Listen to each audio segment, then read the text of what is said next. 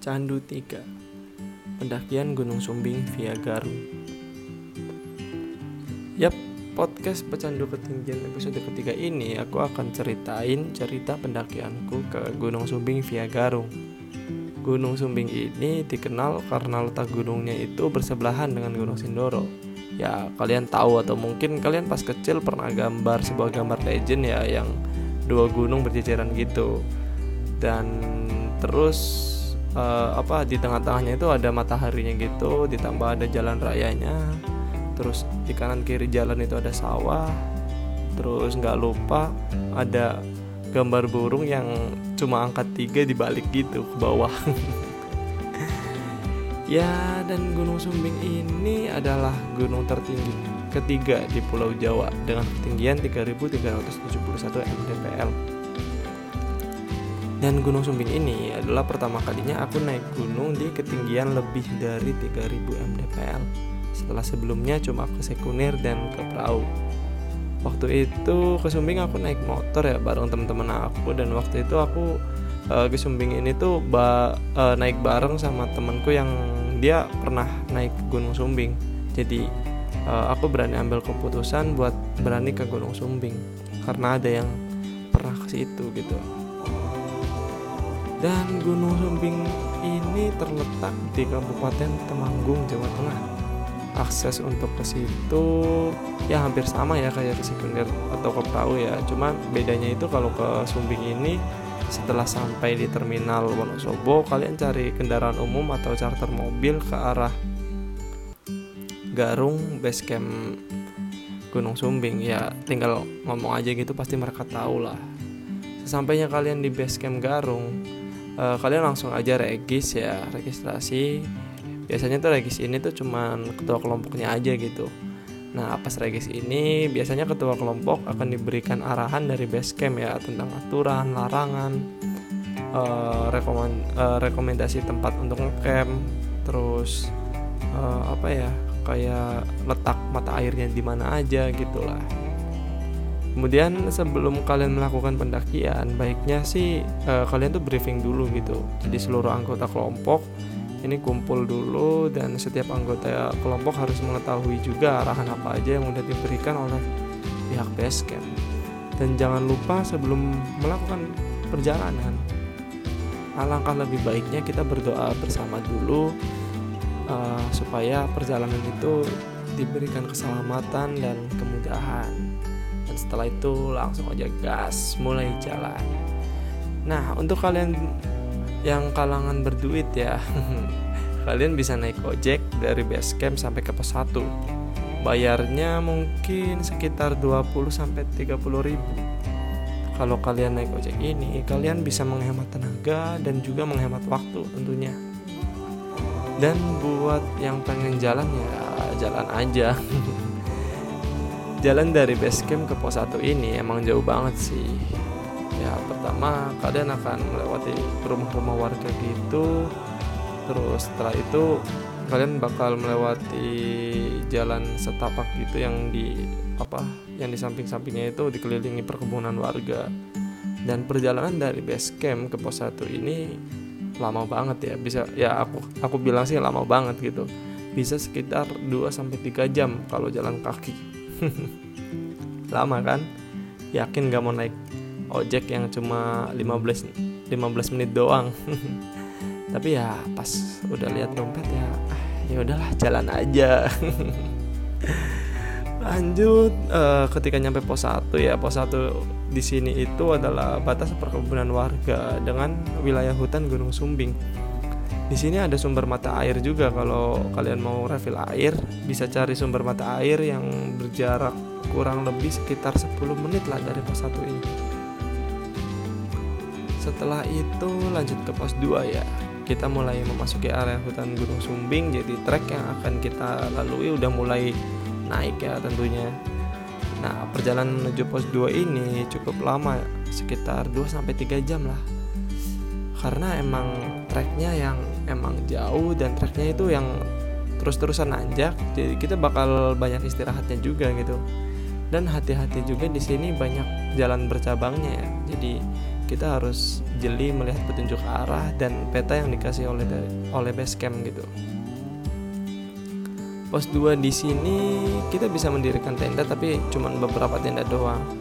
Tapi ya kalau kata aku mah nanggung gitu kalau di sini. Soalnya kalau dari pos 2 ke puncak ini ah masih jauh banget gitu. Tapi ya kalian bisa istirahat di sini gitu makan dulu yang lapar terus minum. Tapi juga jangan kebanyakan ya takutnya bekal kalian habis nanti repot malah. Selanjutnya perjalanan ke pos 3 Ini kondisi, eh, kondisi fisik kita udah mulai diuji ya Kaki dan badan kita udah mulai capek Ditambah lagi ngelihat treknya yang terus-terusan naik tanpa ampun. Yap, Gunung Sumbing ini treknya sangat gokil guys. Dan aku nggak pernah lupa dan akan selalu inget dengan trek menuju pos 3 ini yang nama treknya itu Engkol-Engkolan. Engkol-Engkolan ini legend banget ya buat pendaki yang pernah naik ke Sumbing lewat Garung karena emang treknya yang curam banget terus belok-belok gitu ditambah treknya trek ini tuh licin gitu. Jadi kalian harus hati-hati kalau lewat sini tapi dengar-dengar lagi sekarang itu trek engkol-engkolan ini udah ditutup ya. Jadi dibuat jalan yang baru jadi agak muter gitu dan eh, nggak uh, harus ngelewatin engkol-engkolan. Mungkin karena trek engkol-engkolan ini dinilai sangat berbahaya ya dan uh, jadi mereka buat trek baru yang lebih mudah. Perjalanan dari pos 2 ke pos 3 ini cuma membutuhkan waktu sekitar satu jam perjalanan. Karena ya emang treknya ini sebenarnya nggak terlalu jauh gitu cuman ya emang curam banget. Dan di pos 3 ini kalian bisa buat ngecamp tapi cuma muat untuk beberapa tenda. Paling Eh, nggak uh, nyampe 20 tenda lah. Selanjutnya dari pos 3 menuju ke pos Seduplak Roto nah sebelum uh, Seduplak Roto ini adalah area camp favorit pendaki ya. Karena uh, banyak tanah yang lapang gitu yang rata dan masih banyak pohon-pohonan gitu. Jadi uh, kalau kita ngecamp di sini tuh kita masih terlindungi dari angin gitu. Seduplak Roto ini lokasinya di bawah pos 4 Pestan. Di Pestan juga bisa buat ngecamp dan tempatnya luas, tapi karena tempatnya yang emang udah yang terbuka gitu jadi uh, udah jarang pohon. Nah, ini jadi apa ya? Laju angin tuh sangat kencang gitu dan bahaya sih kalau kata aku. Kalau mau ngecamp di Pestan ya kalian harus pasang pasaknya itu yang kuat dan dari pos 3 ke Setuplak Roto ini kalian cuma membutuhkan waktu paling sekitar 15 sampai 30 menit aja. Dan dari Setuplak Roto ke pos 4 Pestan cuma 15 menit. Setelah sampai di Setuplak Roto kalian bisa mulai membangun tenda, masak-masak, istirahat, ganti baju, selfie, boker ya dan lain-lain lah. Ya untuk menunggu pagi, dilanjut summit attack gitu summit attack ini sebutan untuk perjalanan kita menuju puncak. Uh, untuk ke puncak Sumbing kalau kita pengen ngejar sunrise ya kita bangun pagi-pagi banget mungkin sekitar jam 12 atau jam 1 gitu. Setelah bangun kita harus makan dulu ya untuk mengisi tenaga secukupnya aja karena semua yang berlebihan itu nggak baik. Anggeng. Lanjut setelah isi perut kita mulai persiapan untuk summit attack untuk ke puncak uh, untuk ke puncak ini tuh kita tenda dibiarin aja di di situ gitu. Kita tinggalin cuma kita bawa barang-barang berharga dan barang-barang yang kita butuhkan aja buat dibawa ke puncak.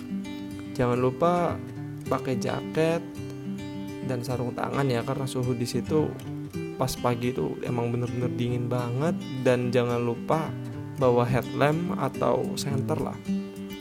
Bagusnya sih headlamp biar nggak ribet. Kemudian kalau udah siap semua jangan lupa berdoa lagi sebelum summit attack. Lanjut summit attack. Dari Sedeplak Roto kita menuju ke pos 4 Pestan yang emang nggak memakan banyak waktu ya cuma 15 menit. Cuma penyesuaian tubuh kita ini yang emang langsung bikin kita ngos-ngosan gitu. Ya karena udara yang semakin menipis ditambah dingin yang masuk tulang. Sesampainya di Pestan kalian bisa ngelihat pemandangan di bawah kita itu lampu kota. Ya bagus banget. Itu seakan menghipnotis jadi kita bakal hampir ngelamun gitu ya. Nah di sini tuh kalian jangan ngelamun lah ya kalau bisa. Lanjut perjalanan menuju ke pasar Watu. Kenapa nama posnya pasar Watu nggak hmm, tahu juga sih ya. Mungkin karena trek menuju ke pasar Watu ini emang treknya uh, didominasi bebatuan dan pasir-pasir gitu dan uh, pastinya trek yang mulai ekstrim ya. Ke pasar Watu ini kita memerlukan waktu sekitar satu setengah sampai dua jam perjalanan. Pos pasar Watu ini ditandai dengan banyaknya batu-batu di sekeliling trek dan uh, untuk melanjutkan perjalanan ke pos Watu Kotak itu ada petunjuk arah jadi kita belok kiri aja gitu langsung ikutin petunjuk. Nah dari pos Watu apa pasar Watu ke pos Watu Kotak ini kita ambil jalan ke kiri dan kita akan sedikit menurun gitu treknya ya landai lah ya bonus gitu dan terus uh, di ujungnya itu kita bakal nemuin tebing gitu ini kalian bukan salah jalan ya. Jalan kalian udah bener dan untuk melanjutkan perjalanan itu kalian bisa menaiki tebing atau mu, apa muterin tebing itu. Nah trek yang muter ini aku belum pernah. Karena kondisinya waktu itu itu malam ya. Jadi yang kelihatan cuma tebing cuma aku tuh harus naikin tebing itu gitu biar nyampe ke puncak gitu jadi akhirnya aku lanjutin aja ah, naik tebing aja gitu. Dan setelah ngelewatin tebing kita bakal jalan lagi. Jalannya di sini cukup santai ya dan tapi uh, jalannya tuh udah mulai jauh gitu. Nah kalau kalian ngelihat di sebelah kanan depan itu ada batu yang gede banget dan bentuknya itu kotak. Nah, itu tandanya kalian udah deket ke pos ke pos waktu kotak. Nah, pos waktu kotak ini sebenarnya bisa untuk mendirikan tenda, tapi ya mengingat jalur dan kondisi tubuh ya cuma orang-orang tertentu dan berkeinginan tinggi aja yang mungkin pengen ngecamp di sini. kayak aku sih ya mungkin enggak ya ya kali pakai carrier harus bawa harus pacat tebing kan lanjut setelah pos suatu kotak itu kita bakal menuju ke puncak. Trek yang akan kita lalui untuk menuju puncak ini bener-bener udah mulai curam banget dan mulai nanjak terus tanpa ampun bawahnya gokil emang bener-bener. Trek juga didominasi bebatuan gitu jadi kita harus hati-hati dan harus tetap fokus ya. Di trek menuju puncak ini lutut kita itu bakalan sering banget nempel dengan bibir. Sering yaitu saking curamnya ya emang kayak gitu gitu. Dan sesampainya di simpang jalan ya karena emang puncak apa puncak sumbing ini punya banyak sum, uh, punya banyak puncak ya. Jadi kalian bisa milih mau ke puncak mana. Kalau kalian ambil jalan lurus kalian akan ke puncak buntu. Kalau ke kanan kalian akan ke puncak kawah. Dan kalau lanjut lagi tuh bakal ke puncak Raja Wali dan puncak tertinggi di Sumbing. Ini adalah puncak Raja Walinya. Tapi kalau kalian udah capek ya ya puncak buntu atau puncak kawah aja udah nggak apa-apa sih. Atau di situ juga kita udah bisa ngelihat kawahnya Gunung Sumbing gitu. Yap nggak dilebih-lebihkan ya. Karena emang kayak gitu gitu. Perjalanan ke gunung yang di atas 3000 mdpl tuh emang gokil gitu. Jadi kalian harus menyiapkan fisik dan juga mental kalian. Kalau kalian masih setengah-setengah ya mending jangan dulu deh. Seenggaknya kita ngumpulin informasi pengetahuan dan persiapan semuanya dengan matang insya Allah kita bakalan aman dan yang terakhir jangan tinggalkan kode etik pendakian gunung yaitu jangan ambil apa pun kecuali gambar jangan meninggalkan apa pun kecuali jejak dan jangan membunuh apa pun kecuali waktu. Anggeng ya cukup sekian dan see you on next podcast